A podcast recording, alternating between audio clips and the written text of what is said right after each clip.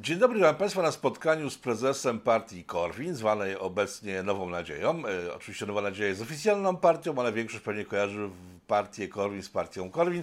E, prezesem nowej partii jest Sławomir Mencen. Witam Pana serdecznie. Dzień dobry. Zacznijmy od tego, jak to się stało, że udało się Panu zrobić coś, czego się nie udało zrobić wielu przed Panem, czyli wyeliminować Korwina Mikke z polityki. Po pierwsze, nie zgadzam się, żeby Korwin-Mikke był wyeliminowany e, z polityki. Cały czas jest prezesem, założycielem naszej e, partii. Będzie startował z okręgu podwarszawskiego do e, parlamentu. Cały czas jest aktywny w debacie publicznej, więc nie zgadzam się z postawioną tezą. Rozumiem, ale w, nie ma go na szefostwie Korwina. Wydawało się, że wszystkie partie Korwina zawsze będą rządzone przez Korwina. Tymczasem Korwin Mikke nie rządzi bezpośrednio, przynajmniej z miejsca pierwszego partią, a pan jest prezesem partii Korwin, która teraz nazywa się, nazywa się Nowa Nadzieja. E, oto skąd ta nazwa, może spytam później, jeżeli będzie czas. E, jak do tego doszło? To ogromna miłość pana Korwina do pana, zaufanie, szacunek. Y, wyborcy Konfederacji tak postanowili, czy jak, w jaki sposób to się stało? Bo przypominam, że wysadzenia pana Korwina z siodła było parę różnych prób. E, KNP się rozpadł między innymi przez to, że e, ludzie niechętni Korwinowi chcieli go wysadzić z siodła, on wysadził ich wszystkich. No, jest cała historia wysadzeń pana Korwina, które się nie udawały. Oczywiście w tym przypadku nie było wysadzeń, tylko do tego doszło, bo to jest ciekawe i myślę, że wielu widzów to interesuje. To jest zupełnie naturalny proces. No przede wszystkim rzeczywiście przez poprzednie chyba dobre 30 lat z kawałkiem, co parę lat przychodził ktoś, komu wydawało się, że wie lepiej od Korwina, jak to się powinno robić, albo odchodził z partii po nieudanych walkach z Korwinem, albo nawet wygrywał z Korwinem. Wtedy Korwin odchodził z tej partii i zakładał swoją własną partię, więc to były takie dekady tej walki wszczynanej przez ludzi, którzy po prostu czuli, że, że, że oni są prawdziwym Korwinem i że wiedzą lepiej. Natomiast tym razem to się odbyło wyjątkowo pokojowo i w sposób zupełnie naturalny. To znaczy pan prezes Korwin-Mikke jest już po 80, a zawsze twierdził, że za, za władzę wykonawczą to się powinni brać ludzie trochę młodsi. No tak się szczęśliwie złożyło, że jestem jeszcze trochę młodszy, w związku z czym wybór padł na mnie. Natomiast wszystko było od samego początku do samego końca robione w sposób pokojowy, dogadany, z korzyścią dla obydwu stron. Dobra, przechodzimy chyba do konfliktu obecnego, bo to jest chyba część konfliktu, to o czym mówimy, gdyż paru osobom nie spodobało się chyba to, że Pan przejął władzę, a nie te osoby. E, i doszło do rozłamu, gdyż osoby, które przez całe lata nie widziały problemu w różnych wypowiedziach Pana Korwina Mikkego, e, nagle zaczęły doznawać oświecenia, że im się te wypowiedzi nie podobają i z początku zeszłego roku e, odeszło z Waszego ugrupowania trzech posłów członków, e, działaczy, nie wiem jak to określić. E, jakie były powody ich odejścia? To już tłumaczę. Ten pretekst, że Korwin powiedział coś o Putinie jest oczywiście śmieszny. Jeżeli ktoś w naszym środowisku jest od kilkunastu lat i nagle dostrzegł, że e, Korwin ma kontrowersyjne e, wypowiedzi, e, no to jest, no to jest zabawny, bo on zawsze to mówił. Inna sprawa, że teraz sam Sośnierz cały czas rzuca we mnie Stalinem albo Putinem, więc widocznie Stalinem i Putinem można, Hitlerem nie. Natomiast wszystko miało genezę już ładnych parę lat temu, bo jeszcze pod koniec 2019 roku. I tu tytuł tytułem wstępu, tytułem e, wprowadzenia. E, w okolicach 2018 roku, już niestety nie pamiętam dokładnej e, daty, udało mi się ściągnąć z powrotem do partii Korwin Artura Dziambora. Wcześniej udało mi się ściągnąć Jacka Wilka. Wtedy pracowałem nad tym, żeby tych ludzi, którzy wcześniej poróżnili się z Korwinem i odeszli od niego na różnych etapach, żeby po prostu ściągnąć do partii i ją wzmocnić. Więc udało mi się w końcu nakłonić Dziambora, żeby do nas wrócił. W roku 2019 udało mi się sprawić, żeby dostał się do Sejmu, ponieważ ta jego jedynka z Gdyni to przypadła Dziamborowi tylko dlatego, że sam z niej zrezygnowałem. Jak dziś pamiętam, jak to Jakub Kulesza, e, obecnie współpracownik bliski Dziambora, przekonywał mnie, że to bez sensu, żebym nie brał jedynki z Gdyni, tylko z Torunia, bo z Torunia się nie dostanę, a z Gdyni się dostanę i lepiej, żebym się dostał. Natomiast oddałem tą jedynkę Arturowi Dziamborowi. Dwa... Tu uwagę mam, tu mam uwagę, bo w programie, który poszedł w poniedziałek, kilka dni temu, e, pan Dziambor na właśnie tą kwestię że są wierutne bzdury, cytuję, gdyż panu nie chciało się po prostu pracować w kampanii wyborczej, w związku z tym e, pan Dziambor, któremu się chciało, który rzucił pracę z tego powodu, żeby e, zrobić swoją kampanię, zrobił tą kampanię i dostał się i żadnej, cytuję, łachy pan mu nie robił. Czy... Puśćmy ten fragment, może to będzie jaśniejsze dla widzów, może też Pana to oświeci. Też jakoś. Dobrze, co się wydarzyło w takim razie? Bo z panem Mencenem łączyły was chyba dobre stosunki, bo pan Mencen nawet chyba e, oddał panu miejsce w trakcie ostatnich wyborów na, Nie. na, ta, tak twierdzą, tak twierdzą ludzie Tak, no, różne bajki można opowiadać. Oni też twierdzą, że oni głosowali na Brauna, żeby Bosak nie został kandydatem na prezydenta. Mm, To są bajki, które oni opowiadają na, dla tych najbardziej takich e, łatwowiernych, tak? tych, tych którzy w ogóle się nie, nie zastanawiają. E, W tamtym czasie to była sytuacja, w której Konfederacja nie dostała się do Europarlamentu.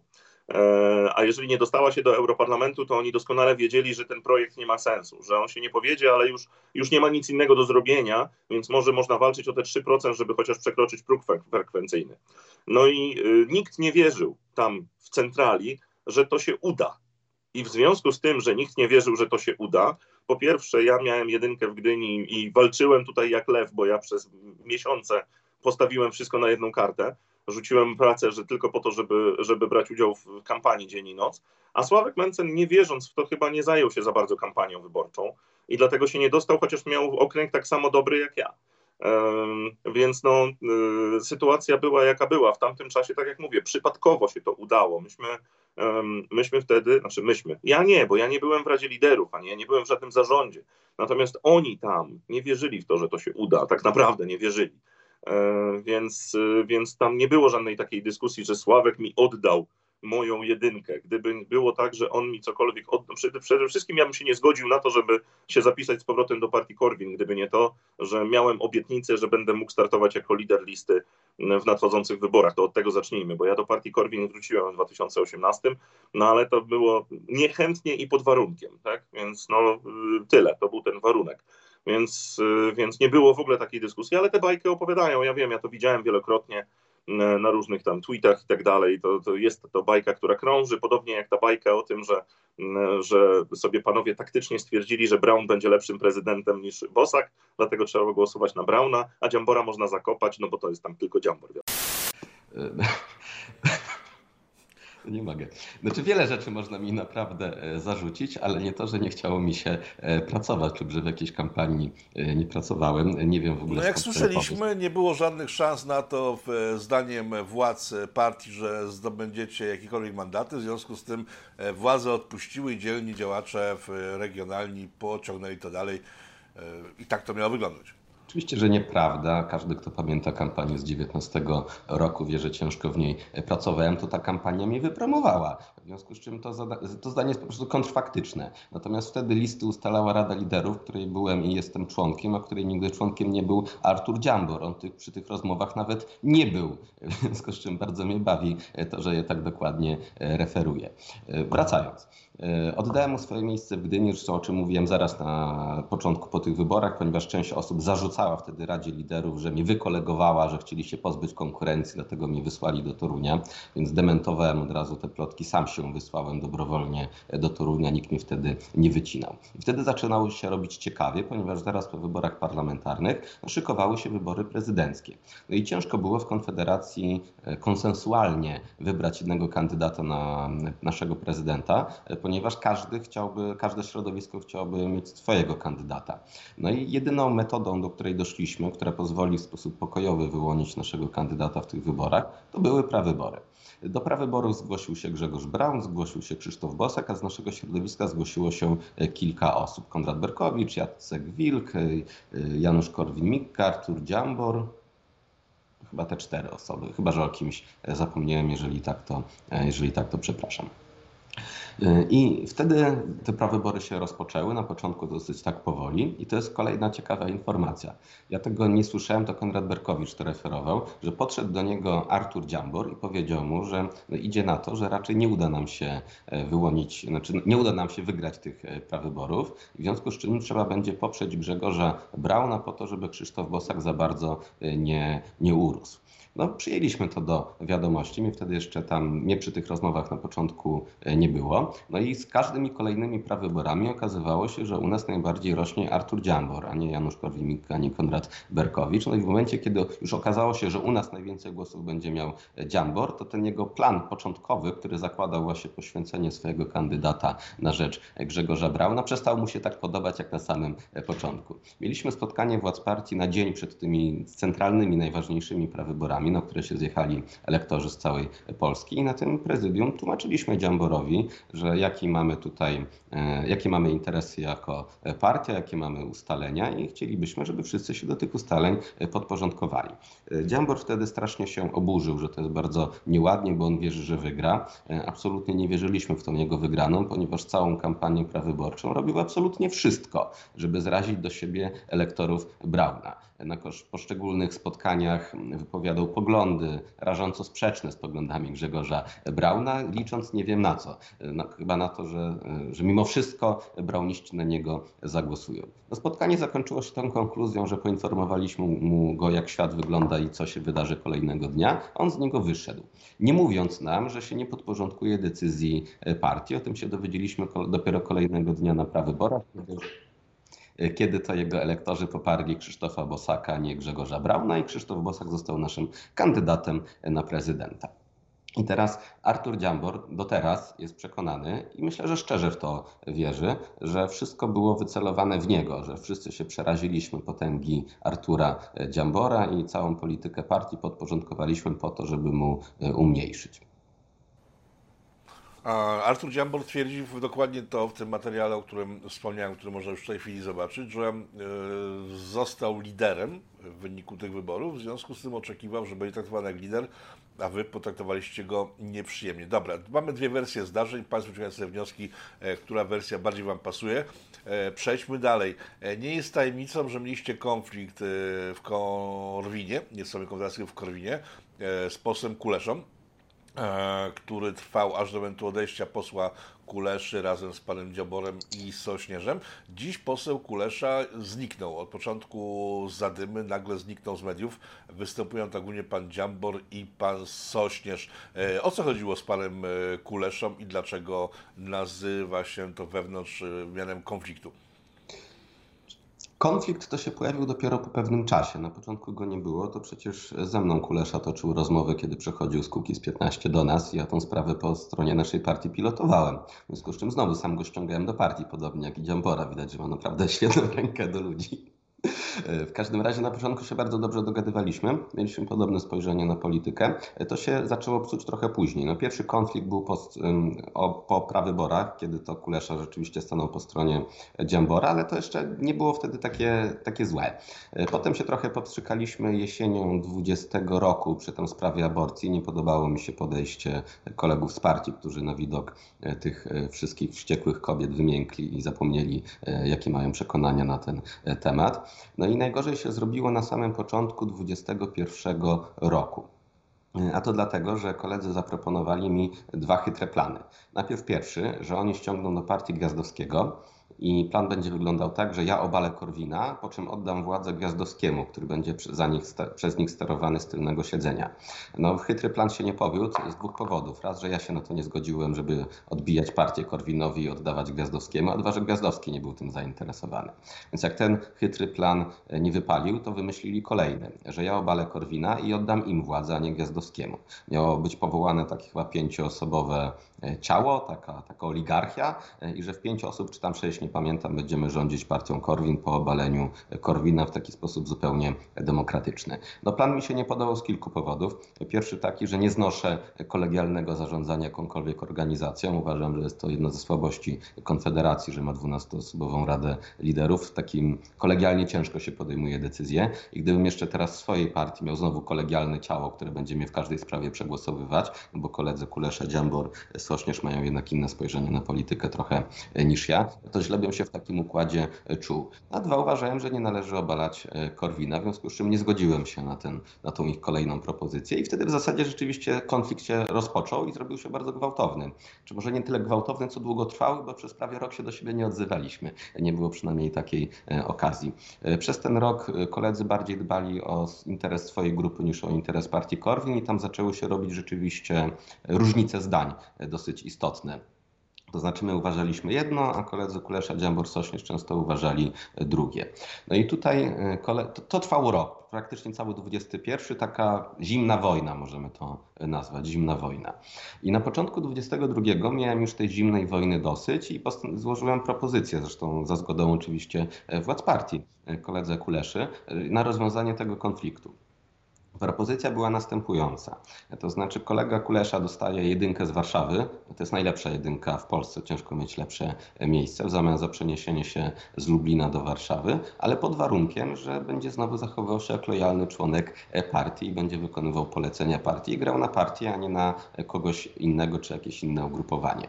No i te warunki, bardzo ciężkie, okazały się nie do spełnienia przez Kuleszy i tam dwa czy trzy tygodnie później wyszedł razem z Sośnierzem i z Dziamborem z partii założyli partię wolnościowcy. I tu jeszcze tytułem komentarza, bo jedna rzecz jest ważna. E, jedna rzecz jest ważna. Oni czynili długie przygotowania do wyjścia z naszej partii mówienie, już pomijając to, że jest zupełnie oczywiste, że wiosną 22 wiedzieli, jaki jest Korwin, więc ten pretekst w ogóle nie ma sensu. Nawet mówienie, że ta moja propozycja dla Kuleszy e, to e, tutaj przechyliła szale goryczy, również nie jest prawdziwe, bo oni już wcześniej mówili o swojej partii. Znam ludzi, do których zgłaszali się z propozycją przystąpienia do ich nowej partii, jeszcze tam na przełomie 21 i 22 roku. I cały scenariusz wyglądał następująco. Kiedy zauważyli, że się ze mną nie dogadają w 21, chcieli założyć swoją partię, wyjść z partii Korwin, natomiast nie chcieli stracić jedynek. Wtedy oszukali Sośnierza, no bo Sośnierz niestety z całej tej trójki jest zdecydowanie najpoczciwszym, najuczciwszym człowiekiem, niestety strasznie naiwnym i dał się Kuleszy oszukać. Oni mu wmówili, że jego jedynka z Katowic jest zagrożona i że my chcemy mu ją zabrać. Absolutnie nie było żadnych takich planów, natomiast no, przekonali go, że tak właśnie było. Kolejnym krokiem było wniesienie na Radę Liderów tej uchwały o tym, że posłowie mają mieć gwarancję startu z jedynek z okręgów, w których w tym momencie byli. Jakie było podłoże tej uchwały? Zaczęli mówić, że są plotki, że chcemy im zabrać jedynki. W związku z czym mają taką uchwałę po to, żeby przeciąć te plotki. Nie było absolutnie żadnych planów zabrania im jedynek, natomiast gdyby Rada Liderów nie poparła tej uchwały, no to by się okazało, że plotki są jednak prawdziwe, mimo że absolutnie nie były prawdziwe, nikt nie miał takiej intencji. W związku z czym niestety ta uchwała nieszczęsna została przegłosowana. I mając ją w ręku, mieli już wolne pole do tego, żeby opuścić naszą partię, no i bo twierdzą, że jedynki nam się należą, więc możemy od tej pory robić co e, chcą. No dobrze, ale wtedy byli w partii Korwin mhm. i w związku z tym partia Korwin mogła ich na jedynki włożyć. W chwili, kiedy e, stali się członkami innej partii, umowa z partią Korwin przestaje być wiążąca, jak na mój głos przynajmniej. Ale która umowa?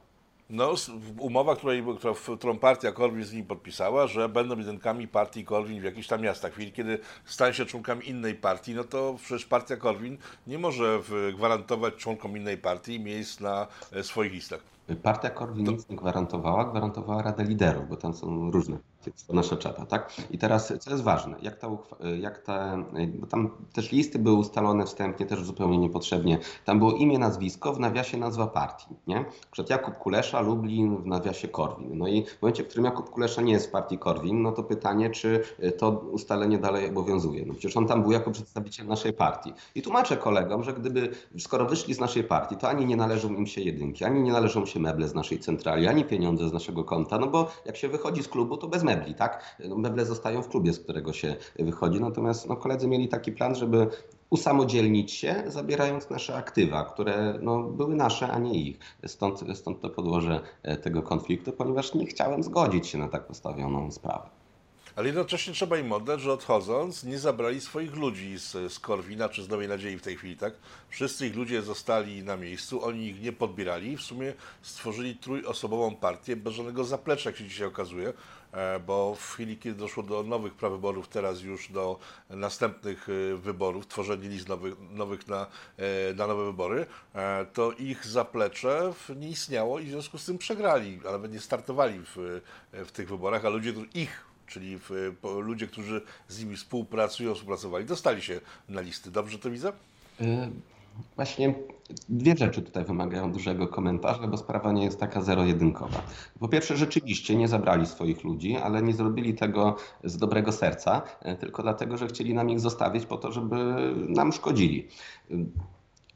Jedynki były ustalone na podstawie tej tam uchwały, tej tak zwanej e, żyrardowskiej, gdzie było imię, nazwisko i nazwa partii w, 20, w 41 e, okręgach. I teraz w momencie, w którym jakiś człowiek został teoretycznie w naszej partii dalej był na tej uchwale, natomiast wiemy, że jest tak naprawdę ich człowiekiem, tylko nam go zostawili, to znowu stawiało nas w złej sytuacji, że mieliśmy w swoich strukturach ludzi, którzy ewidentnie e, sympatyzowali z rozłamowcami, natomiast i namawiali tam ludzi na dole w strukturach do tego, żeby się do nich przystępowali, natomiast formalnie zostali zostali y, u nas. Y, prawdę mówiąc, wtedy namawiałem ich, żeby odeszli, skoro wiemy, że y, lepiej by się czuli gdzie indziej niż u nas, no ale jednak ta obietnica jedynek jakoś bardzo ich trzymała. Faktem jest, że Partia Wolnościowca nie ma praktycznie żadnego zaplecza. Na ich spotkania regionalne przychodzi po parę osób, a takie centralne po parę dziesiąt. To jest partia bez ludzi, złożona tych, tych trzech liderów, których też naprawdę nie łączy nic poza to jest taka spółdzielnia wspólnych jednostkowych interesów. Tak? Jedyne co ich interesuje to te jedynki. Warto zwrócić też uwagę, no, że oni pociągnęli jednak za sobą parę osób. Tego Grabarczyka z Łodzi chociażby pociągnęli, e, tam Marcela Dudę ze, ze Szczecina, e, jeszcze kilka takich osób. I kiedy rozmawialiśmy z nimi, jak tą, już jesienią, jak tą sprawę wyjaśnić, uporządkować, to jedyne, co ich interesowało, to te trzy jedynki dla siebie ani słowem nie zająknęli się o tych ludziach, których wyciągnęli z naszej partii którym tak naprawdę mogli złamać kariery polityczne, wzięli ich ze sobą, a potem w ogóle zero walki o nich. Nie? To, to, to, jest, to jest najdziwniejsze. To nawet mnie, nawet mnie trochę e, niepokoiło, że aż, aż tak można swoich ludzi zostawić. Rozumiem. E, Wspomniał Pan o czarnych marszach. Ja do tego wrócę, bo w tej chwili podnoszone są właśnie przez rozumowców e, kwestie moralne, światopoglądowe, E, i twierdzą, że jest pan fundamentalistą religijnym, e, twardym antyaborcjonistą, homofobem itd., tak itd., tak co ich zdaniem, jeżeli wyjdzie na jaw, chyba właśnie wychodzi, e, może zrazić do partii Korwin Nowej Nadziei w liberalny elektorat, który ewentualnie mógłby przejść z innych, bardziej liberalnych ugrupowań lewicowych do partii Korwin. Jak pan to skomentuje? Ja nigdy nie ukrywałem, że jestem e, katolikiem i zdanie na aborcję mam dosyć jednoznaczne i wyrobione. E, mówię o tym w telewizji, w radiu, w każdym możliwym wywiadzie, kiedy jestem tylko o to pytany, w związku z czym zdziwiłbym się, gdyby to była taka wielka tajemnica. Natomiast nie odbieram tego jako wadę, raczej jako e, zaletę. No jeżeli polityk broni tego, żeby nie można było zabijać dzieci, no to to nie jest chyba nic takiego strasznie złego. Okej, okay. wróćmy w takim razie do prawyborów. E, poszły informacje w świat, że zostały sfałszowane. Faktycznie w jednym z okręgów trzeba było powtarzać, znaczy zostało anulowane w ogóle głosowanie. E, do czego tam doszło? To był zwykły bałagan, czy przebiegły spisek? Jeżeli to był spisek, to pan powie, że to był bałagan, ale słucham odpowiedzi. Dokładnie. Wszystkie prawybory przebiegły w normalnej atmosferze. Niestety w jednych, na jednych prawybory w Legnicy nam się nie udały. Trzeba było, na początku wstrzymałem, wstrzymałem ogłoszenie wyników do, tego, do czasu, aż zbadam sprawę, bo zaczęły do mnie dochodzić informacje, że tam się różne dziwne rzeczy działy. Zbadałem dosyć dokładnie tę sprawę i w tym momencie mam pewność, że te prawybory trzeba było unieważnić, ponieważ nie zostały przeprowadzone w sposób uczciwy. Będziemy z tego wyciągali daleko idące konsekwencje konsekwencje, ale faktem jest, że e, nasze tam struktury lokalne w Legnicy zawiodły, nie udało im się przeprowadzić uczciwych wyborów. E, na czym polegały te nieprawidłowości? E, głosy zostały źle policzone, następnie uniemożliwiono nam znalezienie, znaczy odkrycie tego, że, że zostały źle policzone, ale na szczęście cała sprawa się, się wydała.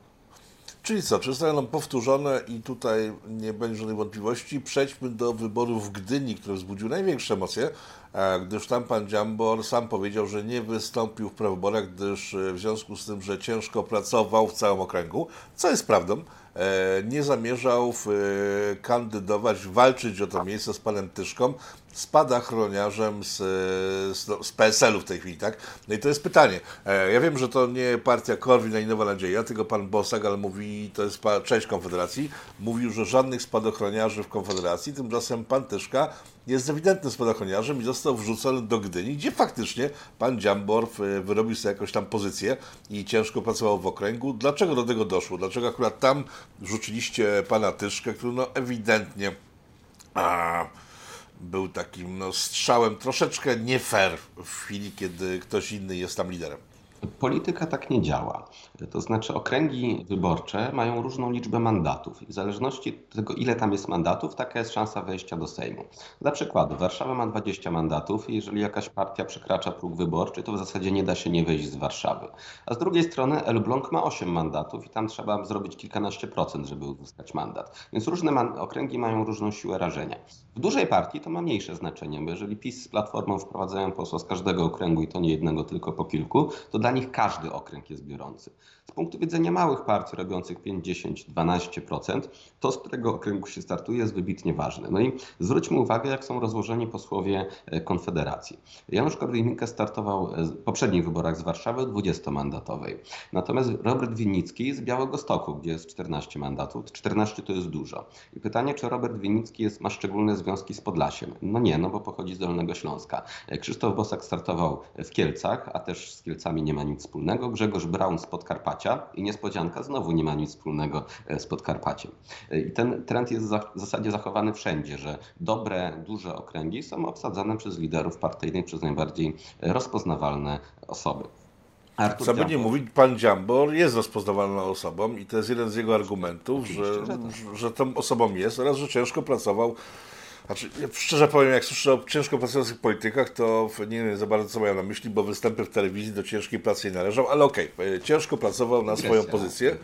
Ja, ja, ja, sobie liczę swoje godziny pracy, tak? I w styczniu przepracowałem 320 godzin. To jest e, ciężka e, praca. Łącząc pracę zawodową z polityką, naprawdę można się e, zmachać. Żeby być rano w niedzielę na przykład na programie śniadaniowym w Polsacie, trzeba wstać, nie wiem, o 5 na przykład, pojechać do Warszawy, wraca się około 14 do domu, jeżeli się jest z Torunia. Dziambor jest z Gdyni, to ma jeszcze dalej. Więc tak, wyrwanie całej niedzieli na jakiś godzinny program w telewizji jest, jest pracą. I nie należy... No dobrze, czyli pan Dziambor, który włożył ciężką pracę, potwierdza Ale pan swoją pozycję. Co on włożył pracę? On włożył pracę w rozpoznawalność ogólnopolską, to znaczy występował w telewizji. Jego praca w regionie, akurat w Gdyni, była pomijalna, o czym świadczy jakość naszych struktur gdyńskich, którymi się zajmował, że zostawił po sobie pustynię. Więc on lokalnie w ogóle nie pracował, skupił się na pracy w Warszawie i dobrze mu to wychodziło. Nikt do niego o to pretensji nie ma, dlatego gdyby nie wychodził z naszej partii, miałby zupełnie przez nikogo niekwestionowaną jedynkę z Gdyni. Wystarczyło zostać w partii, nie robić po raz kolejny rozłamu i by nie było problemu. Ale nawet jak już to zrobił, to mógł po prostu przystąpić do praw wyborów i je wygrać. Jeszcze na przełomie listopada i grudnia Artur Dziambor otrzymał od nas dwie propozycje, mógł sobie wybrać. Naprawdę to trzy. Pierwsza standardowa, startuj chłopie w prawyborach, wygrasz je, skoro jesteś taką gwiazdą, więc nie ma żadnego problemu, będziesz posłem. Druga, jeżeli nie chcesz e, tak po prostu startować w prawyborach, to zrobimy dla ciebie jedynego wyjątek i możesz startować ze Szczecina. Tam jest 12 mandatów, to nie jest zły okręg, obecnie jest biorący według obecnych sondaży, bez prawyborów. To znaczy masz tą jedynkę, bierz ją, Przestań tylko robić niepotrzebne awantury w internecie. Artur odrzucił tą propozycję. W związku z czym koledzy narodowcy i Grzegorz Braun zobowiązali się, że jeżeli wystartuje w prawyborach w Gdyni, to oni mu jak tylko będą mogli pomogą, tak żeby już miał całkowitą pewność, że wygra te prawybory. I znowu odrzucił tą propozycję. Więc ja naprawdę chciałem, żeby on był w Sejmie. Od samego początku mu to zresztą powtarzałem. Artur, ja chciałbym widzieć Ciebie w kolejnym Sejmie, bo jesteś rozpoznawalną osobą. Natomiast on tak poprowadził to poprzednie miesiące, że robił absolutnie wszystko, żeby się w tym Sejmie nie znaleźć. No, zmusić go do kandydowania nie mogę. E, pan Dziambor twierdzi coś przeciwnego do tego, co pan mówi, że właśnie narodowcy zwiezieni autobusami wgrali panu Tysce w jedynkę w Gdyni i że gdyby nie współpraca wasza z ruchem narodowym, to całkiem inaczej sytuacja by wyglądała. To jest o tyle ciekawe, że jednocześnie zarówno pan Soszczysz, jak i pan Dziambor twierdzą, że ich odejście z Korwina było uzgodnione z narodowcami, którzy mieli wesprzeć ich odejście i utrzymać status quo i zostali zdradzeni przez narodowców. O co chodzi z narodowcami? Bo narodowcy to jest ciekawy kasus. Zresztą tak, występowali u Kukiza. Na moją optykę to był duży problem przy samym już starcie wyborczym, ale to oni zapewniali głosy wyborcze, e, głosy, które zbierały, a czy zbierali na podpisy e, na Kukiza. Później to oni, moim zdaniem, wysadzili Kukiza. Czy nie ma obawy, że konszachty z narodowcami wysadzą Korwina nową nadzieję? Bo już e, usunęli wam z partii trzech polityków sugerując im wyciągniętą dłoń i jednocześnie tą dłoń cofając, kiedy to było im na rękę. Nie obawiacie się, że współpraca z narodowcami może się skończyć źle dla Nowej Nadziei? Kilka, kilka rzeczy. Pierwsza, ci mityczni narodowcy, którzy wygrywali wszystkie prawybory. No jak spojrzymy na liczebność naszych partii, jesteśmy znacznie liczebniejsi od narodowców. Sprzeciwiam się tej narracji, że to oni nam wygrywają prawybory w kolejnych okręgach. Ale nawet zakładając, że Dziambor ma rację i to rzeczywiście narodowcy decydowali, kto będzie przedstawicielem naszej partii, to właśnie ci narodowcy obiecali mu, że jeżeli tylko zacznie się normalnie wreszcie zachowywać w mediach i w internecie, to oni go tam poprą i sprawią, że on będzie właśnie posłem z Gdyni i Dziambor tą propozycję po prostu y, odrzucił. No jeżeli ktoś odrzuca każdą kolejną, my naprawdę chcieliśmy mu pomóc na wszystkie możliwe sposoby. Sami z nim rozmawialiśmy, narodowcy z nim rozmawiali, Brown z nim rozmawiał, nasi wspólni znajomi, znajomi z nim rozmawiali, dziennikarze z nim rozmawiali z zaprzyjaźnieni. Każdy próbował go przekonać, żeby zaczął wreszcie zachować się normalnie i nie dało. Natomiast wracając do narodowców, faktem jest, że ten rozłam robiony wiosną był oczywiście uzgodniony z narodowcami. W jakiś tam sposób nie było mi oczywiście przy tych rozmowach, więc szczegółów nie znam. Bez, bez zgody narodowców by się koledzy wolnościowcy oczywiście na coś takiego nie poważyli. Natomiast no, potem trzeba przyznać narodowcom, dawno im to przyznaję, że to są bardzo pragmatyczni e, ludzie, myślący politycznie, rozumiejący sytuację, e, wyciągający z tego, starający się maksymalizować swoje korzyści, zachowują się jak zgrana, dobrze sterowana partia polityczna, tak jak partia polityczna powinna działać, gdzie mamy przywódcę, który mówi, w którym kierunku idziemy, a partia się temu podporządkowuje i idzie w tym kierunku i na ogół jest to dobre dla tej partii, no chyba, że przywódca się e, pomylił. I właśnie tak powinna działać również nasza partia. Myślę, że powoli idziemy w tym kierunku i wtedy współpraca z narodowcami będzie nam się dobrze układać, jak obydwie partie będą sterowne i nie będą miały wewnętrznych jakichś rozłamów albo ludzi, którzy wiedzą, że wiedzą lepiej i się nie chcą podporządkować. Czy dobrze rozumiem, że w chwili, kiedy odszedł Dziamborw, e, Sośnierz i Kulesza, e, narodowcy mieli do wyboru albo e, wybory wspólne z nimi, albo z wami i wybrali większe ugrupowanie, a nie trójosobową partię? Tak czy nie? Mniej więcej tak to mogło e, wyglądać. Tak. Okej, okay, na tym polegała ich zdrada. E, wspomniał on o partii jako firmie, to jest pytanie od widzów, polityko. E, czy inwestuje Pan swoje pieniądze w kampanię, to oczywiste, więc po prostu pomijamy. E, czy zamierza Pan zrobić e, z partii Korwin Nowej Nadziei, łamana Nowa Nadzieja, e, firmę, korporację i czy w tym kierunku to zmierza, czyli pełnej profesjonalizacji, bo na to wygląda. Tu jest wiele e, różnych zagadnień. E, coś tam wiem o prowadzeniu firmy, bo robię to już od kilku w sumie od kilkunastu lat. Natomiast y, kierowania partią to ja się dopiero cały czas uczę, bo robię to od kilku miesięcy. Widzę już pewne podobieństwa, widzę pewne różnice, ale ten proces nauki jeszcze trochę potrwa. W związku z czym od razu zapowiadam, że zrobię jeszcze wiele błędów, bo jak to coś się robi po raz pierwszy, to, to trzeba się pomylić, tak? No to nie ma innej e, opcji. To nikt nie jest wszechwiedzący, że wchodzi do zupełnie, w zupełnie dla siebie nową rolę i nagle wszystko będzie działać. Nie, cały czas będą się różne rzeczy wysypywały.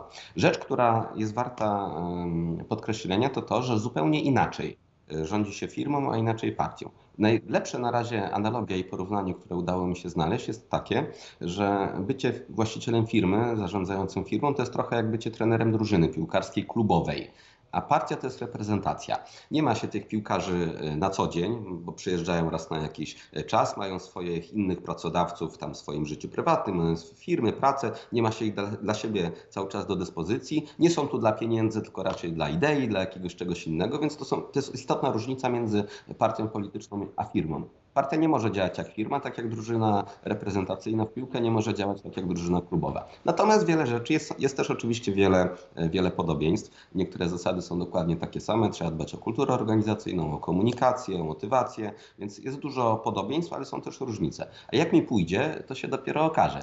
O ile można się gdzieś nauczyć prowadzenia firmy, jest mnóstwo ludzi, którzy się tym zajmowali, którzy mogą podzielić się dobrymi radami. Są książki, filmy, wszystko jest. Natomiast widział pan redaktor kiedyś książkę, jak sterować partią polityczną. No nie ma czegoś takiego. W Polsce nie wiem, ilu jest ludzi, którzy potrafią dobrze zarządzać partią, pewnie kilku. Natomiast swoimi radami się na pewno ze mną dzielić nie będą. W związku z czym jest to trudne, natomiast zrobię co mogę, żeby partia działała w możliwie profesjonalny sposób. Okej, okay, to za chwilę zamykamy temat firmy i partii. Pytanie od pana Sośnierza. Y, oto ono. Nie, wypłakał się, się pan. Wypłakałem, to już zapomniałem, co było pytanie. Dobrze. Ale a propos pytania. E, u redaktora Otoki Mickiewicza będzie e, za dwa dni e, będzie pan Sławomir e, Mencen. I czy chciałby mu pan zadać jakieś pytanie, żeby odpowiedział u redaktora Rafała? Okej. Gra o tron, jak się toczy. No znam mu... Wydawało się proste pytanie, ale z pewnymi implikacjami. Mm, Sławku, czy uważasz, że... W kamerę. W kamerę. Sławku, czy uważasz, że ten, kto udziela gwarancji, może w dowolnym momencie zwolnić się ze skutków tej gwarancji? Czy jeśli ktoś udziela gwarancji na pralkę, to może powiedzieć, że jak przyjdziesz do z tą zepsutą pralką, że nie, on jednak odwołuje tę gwarancję? Czy jednak jak się udziela gwarancji, to jak sama nazwa wskazuje, mm, zrodzi to pewne zobowiązania, z których nie można się jednostronnie zwolnić bez zgody tego, komu się tej gwarancji udzieliło? Koniec pytania. Koniec pytania. Dwie rzeczy.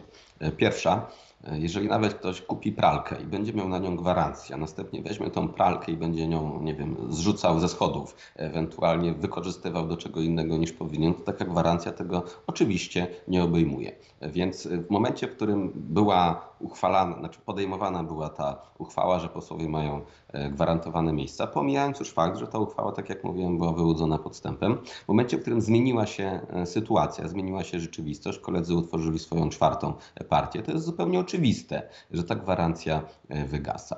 O, mamy na przykład gwarancję, którą Ukrainie dała kiedyś Wielka Brytania ze Stanami Zjednoczonymi, że jak oddadzą swoje atomówki, to oni tam będą bronić Ukrainy. Czy ta gwarancja by obowiązywała, gdyby Ukraina na przykład napadła sama na Rosję? No podejrzewam, że nie, bo to nie do tego ona miała e, dotyczyć. Więc koledzy tak naprawdę sami się wykolegowali z tych list i sami unieważnili tą gwarancję w momencie, w którym odeszli z partii e, Korwin. To jest kolejna analogia, którą się posłużę.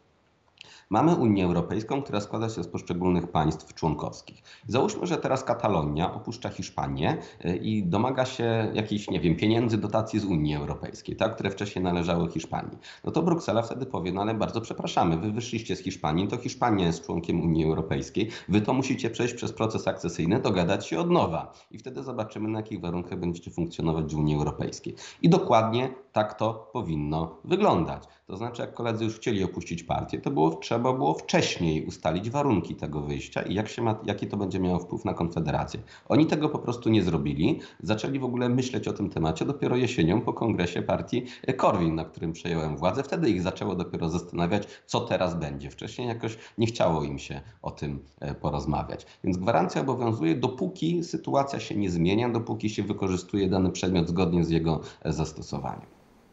Okej, dobrze, zamykamy w takim razie ten etap naszej rozmowy. Przechodzimy do drugiego, króciutkiego już tak naprawdę e, sprawy personalne. Pan Tyszka, który nagle znikąd pojawił się na listach Konfederacji, został konfederatą, jest jak do mój gust sporym wzmocnieniem, ale też ma dość duży elektorat negatywny.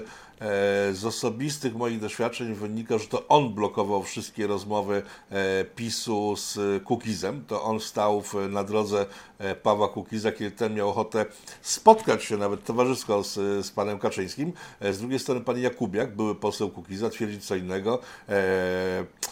Kim jest Tyszka dla Was jako Konfederacji? Wzmocnieniem na pewno, ale skąd się wziął i skąd ten pomysł, żeby z PSL-u poseł nagle został Konfederatą? To już tłumaczę. E, Ja miałem rzeczywiście ciężką historię ze Stanisławem e, Tyszką. Pierwszy raz spotkaliśmy się w 18 roku, e, kiedy próbowałem doprowadzić do sojuszu w wyborach samorządowych między Kukiz 15 a partią Korwin. To się wtedy nie udało. Po stronie Kukiza rozmowy ze mną prowadził Tyszka, no one były prowadzone tak, że widać było, że się nie dogadamy. Drugi raz się zetknęliśmy latem 19 roku, już po wyborach europejskich przedparlamentarnymi, gdzie znowu chcieliśmy się dogadać z Kukiz 15 i znowu się nie udało. I znowu widać było, że Tyszka nie pomaga tutaj w doprowadzeniu tych rozmów do końca. Natomiast no, trzeba powiedzieć, że bronił interesu swojej partii tak, jak go rozumiał. Uważał, że byłoby to z różnych przyczyn niekorzystne dla Kukiz 15, więc się na to nie pisał. No faktem jest, że rzeczywistość potem przyznała nam rację, a nie jemu. Podejście wtedy Kukiza sądzę, że do Konfederacji by przyszło nam na dobre. Teraz skąd się bierze e, opinia o złym Tyszce?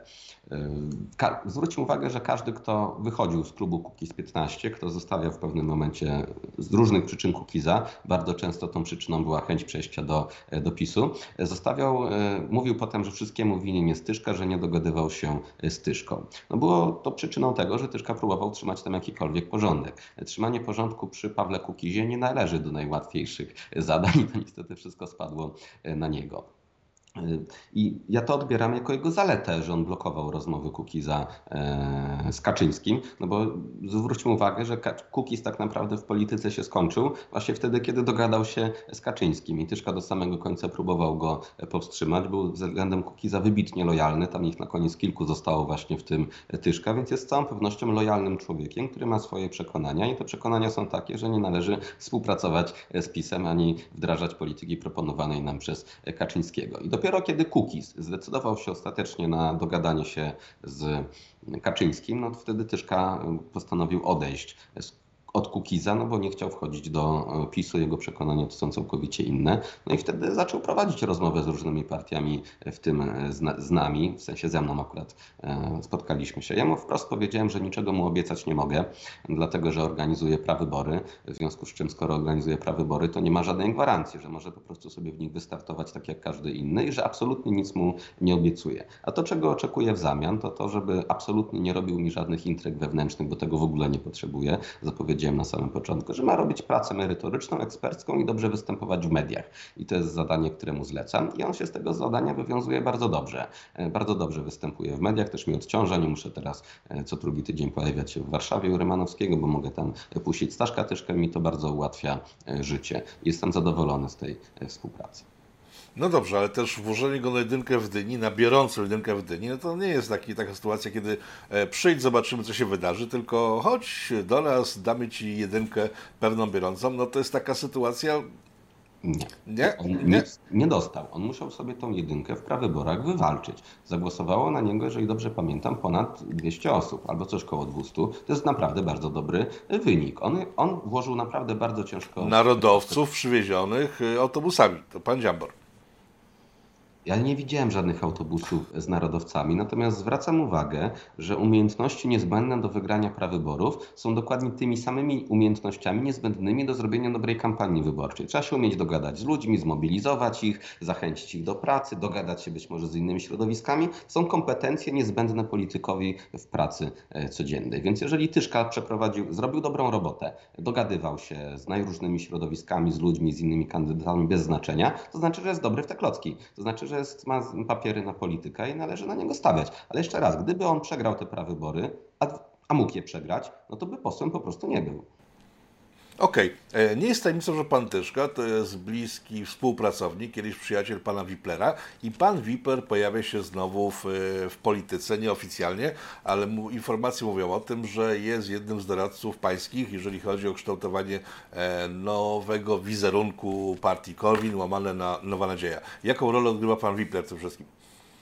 No, znam Przemka Wiplera od roku 2016, to już kawał czasu, to on mnie, przypadkiem się spotkaliśmy i zobaczył we mnie coś i namówił mnie na wejście do polityki, w związku z czym wiele mu zawdzięczam. Natomiast od czasu, kiedy wyszedł z polityki, spotykamy się dosyć regularnie, ale towarzysko, a ostatnio również rozmawiamy dużo więcej o polityce. Mogę go nazwać swoim doradcą, natomiast doradców mam wielu i absolutnie nie jest to osoba, która podejmuje decyzje. Też bym nie podpisał się pod zdaniem, że jest to przyjaciel Tyszki. Tak naprawdę oni przez wiele lat w ogóle ze sobą nie rozmawiali i to ja ich poprosiłem, żeby się ostatnio parę miesięcy temu spotkali po wielu latach braku e, kontaktu, więc trochę ja ich do siebie e, teraz zbliżyłem, ale dalej e, no, nie nazwałbym ich przyjaciółmi, naprawdę. Okej, okay, czyli w, mów, twierdzi Pan, że pojawienie się Pana Tyszki w, w Korwinie łamane na Nowa Nadzieja nie ma wspólnego z Panem Wiplerem. Wipler faktycznie e, ale Viper faktycznie funkcjonuje w środku. Ostatnie pytanie, bo już długo rozmawiamy, myślę, że wszystkie główne tematy przejechaliśmy. Ostatnie pytanie, jest to jeden z zarzutów, e, z test stawiany przy okazji pańskiej osoby, że całe to zamieszanie jest wynikiem pańskich ambicji prezydenckich, że nie zależy panu na tym, żeby Korwin, łamana Nowa Nadzieja jako taki się wzmocnił, tylko całe to zamieszanie e, ma na celu wypromowanie pana nazwiska, by w kolejnych wyborach prezydenckich już na władcę naszego wielkiego małego imperium wystartował pan samodzielnie. E, jak pan to skomentuje? Moją ambicją nieukrywaną, o której cały czas mówię, jest to, że chcę być ministrem finansów i uprościć i obniżyć w Polsce podatki. To jest coś, co mnie naprawdę e, kręci. Nie wykluczam oczywiście startu w tych wyborach prezydenckich w 2025 roku, natomiast gdybym miał robić te wszystkie rzeczy tylko po to, żeby startować w tych wyborach, to byłaby to gra absolutnie niewarta e, świeczki. Moją intencją jest to, żeby partia Nowa Nadzieja była jak najsprawniejszą, jak najlepiej działającą, mającą jak największe poparcie e, partią i na tym mi przede wszystkim zależy. I na koniec ostatnie pytanie, czyli można z naszej rozmowy wnioskować, że cała trójka banitów wyautowała się i nie dostanie się już na żadne miejsca na listach e, Konfederacji łamane na Nowa Nadzieja, czy mają jeszcze szansę na jakiś powrót? Cały w zasadzie ten konflikt od samego początku siedziałem na ten temat cicho i publicznie nie zabierałem e, głosu. Raczej starałem się komplementować kolegów, mówiąc, że dobrze wypadają w mediach, że są nam potrzebni, że chciałbym, żeby byli w Sejmie, no bo naprawdę chciałem. Natomiast oni cały czas e, mnie krytykowali i teraz ta krytyka przyjmuje już pewne nieakceptowalne rozmiary. E, to znaczy dowiaduję się od kolegów, że jestem Stalinem, że jestem Putinem i teraz mamy dwie możliwości. Albo porównują mnie do tych zbrodniarzy, albo relatywizują ich zbrodnie, porównując ich do mnie. No obydwie rzeczy byłyby głęboko niewłaściwe, więc nie ukrywam, że moja cierpliwość bardzo duża to tutaj się powoli e, kończy i coś trzeba będzie z tym zrobić. E, Tomasz Grabarczyk, też przedstawiciel wolnościowców, wygrał prawybory w Łodzi, co pokazuje, że można było je wygrać, trzeba było tylko w nich wystartować. Pod koniec grudnia wystosowałem list otwarty, to był chyba 29 grudnia, e, do kolegów wolnościowców, gdzie pisałem, że macie dwa dni na zgłoszenie się do prawyborów. Jak się nie zgłosicie, jedynek na pewno nie dostaniecie, no bo prawybory je wybiorą. Nie zgłosili się, w związku z czym szans na jedynki już nie mają. Być może jest teoretycznie możliwe, że gdzieś by zgodzili się na dwójkę czy trójkę, no ale skoro Dziambor nie wziął jedynki w Szczecinie, to tym bardziej nie weźmie dwójki w Gdyni, tak? Nie ma w ogóle takiej, nie wierzę w taką możliwość. Poza tym po tym, co ostatnio mówi, to ja nie wiem, czy chcę dalej z nim współpracować, więc raczej należy się nastawić na to, że tych trzech kolegów na naszych listach to już raczej nie będzie. Dobra, czyli na tym kończymy spotkanie z prezesem partii Corwin na Nowa Nadzieja. Jeszcze pytanie jest, kto wymyślił tą nazwę wziętą z Gwiezdnych Wojen? O. to jest... To jest oczywiście e, mój pomysł, on jest bardzo dobry. Nie dlatego, że jest mój, tylko dlatego, że jest bardzo dobry. Już tłumaczę dlaczego, bo powody są istotne. Pierwsza rzecz, nazwa Korwin. E, Nazwa Korwin była wybitnie zawężająca. Trzeba być naprawdę hardym korwinistą, żeby zagłosować e, o partię o nazwie e, Korwin. Więc to był nisko zawieszony suwit, a mi zależy na dwucyfrowym wyniku. Nie chcę mi się bawić w politykę na poziomie 3, 4, 5%, bo to bez sensu, bo się nie ma na nic wpływu. Więc suwit musiał być wyższy. To kolejny trop, którym niektóre partie się posługują, to nazwać partię właśnie na przykład wolność, nie? albo w sposób definiujący wyborcę, że trzeba być wolnościowcem, żeby na taką partię zagłosować. I to znowu mamy nie, nie, niewysoko powieszony sufit, bo mało kto się definiuje jako wolnościowiec. Natomiast na Nową Nadzieję to może głosować absolutnie każdy. Każdy może poprzeć Nową Nadzieję, każdy chce mieć nadzieję. Nadzieja jest czymś absolutnie pozytywnym w zasadzie dla każdego. Do tego ona jest nowa. Ludzie, jest ich dużo, co jakiś czas chcą głosować na nową partię, na kogoś, kogo jeszcze nie było, na kogoś, o kim jeszcze nie słyszeli, kto będzie tą nową nadzieją. No i znowu zobaczą na liście wyborczej Nowa Nadzieja, to o, to moja partia, na nich chcę zagłosować, ich jeszcze nie było, o nich jeszcze nie słyszałem, chcę dać im szansę. Dalej.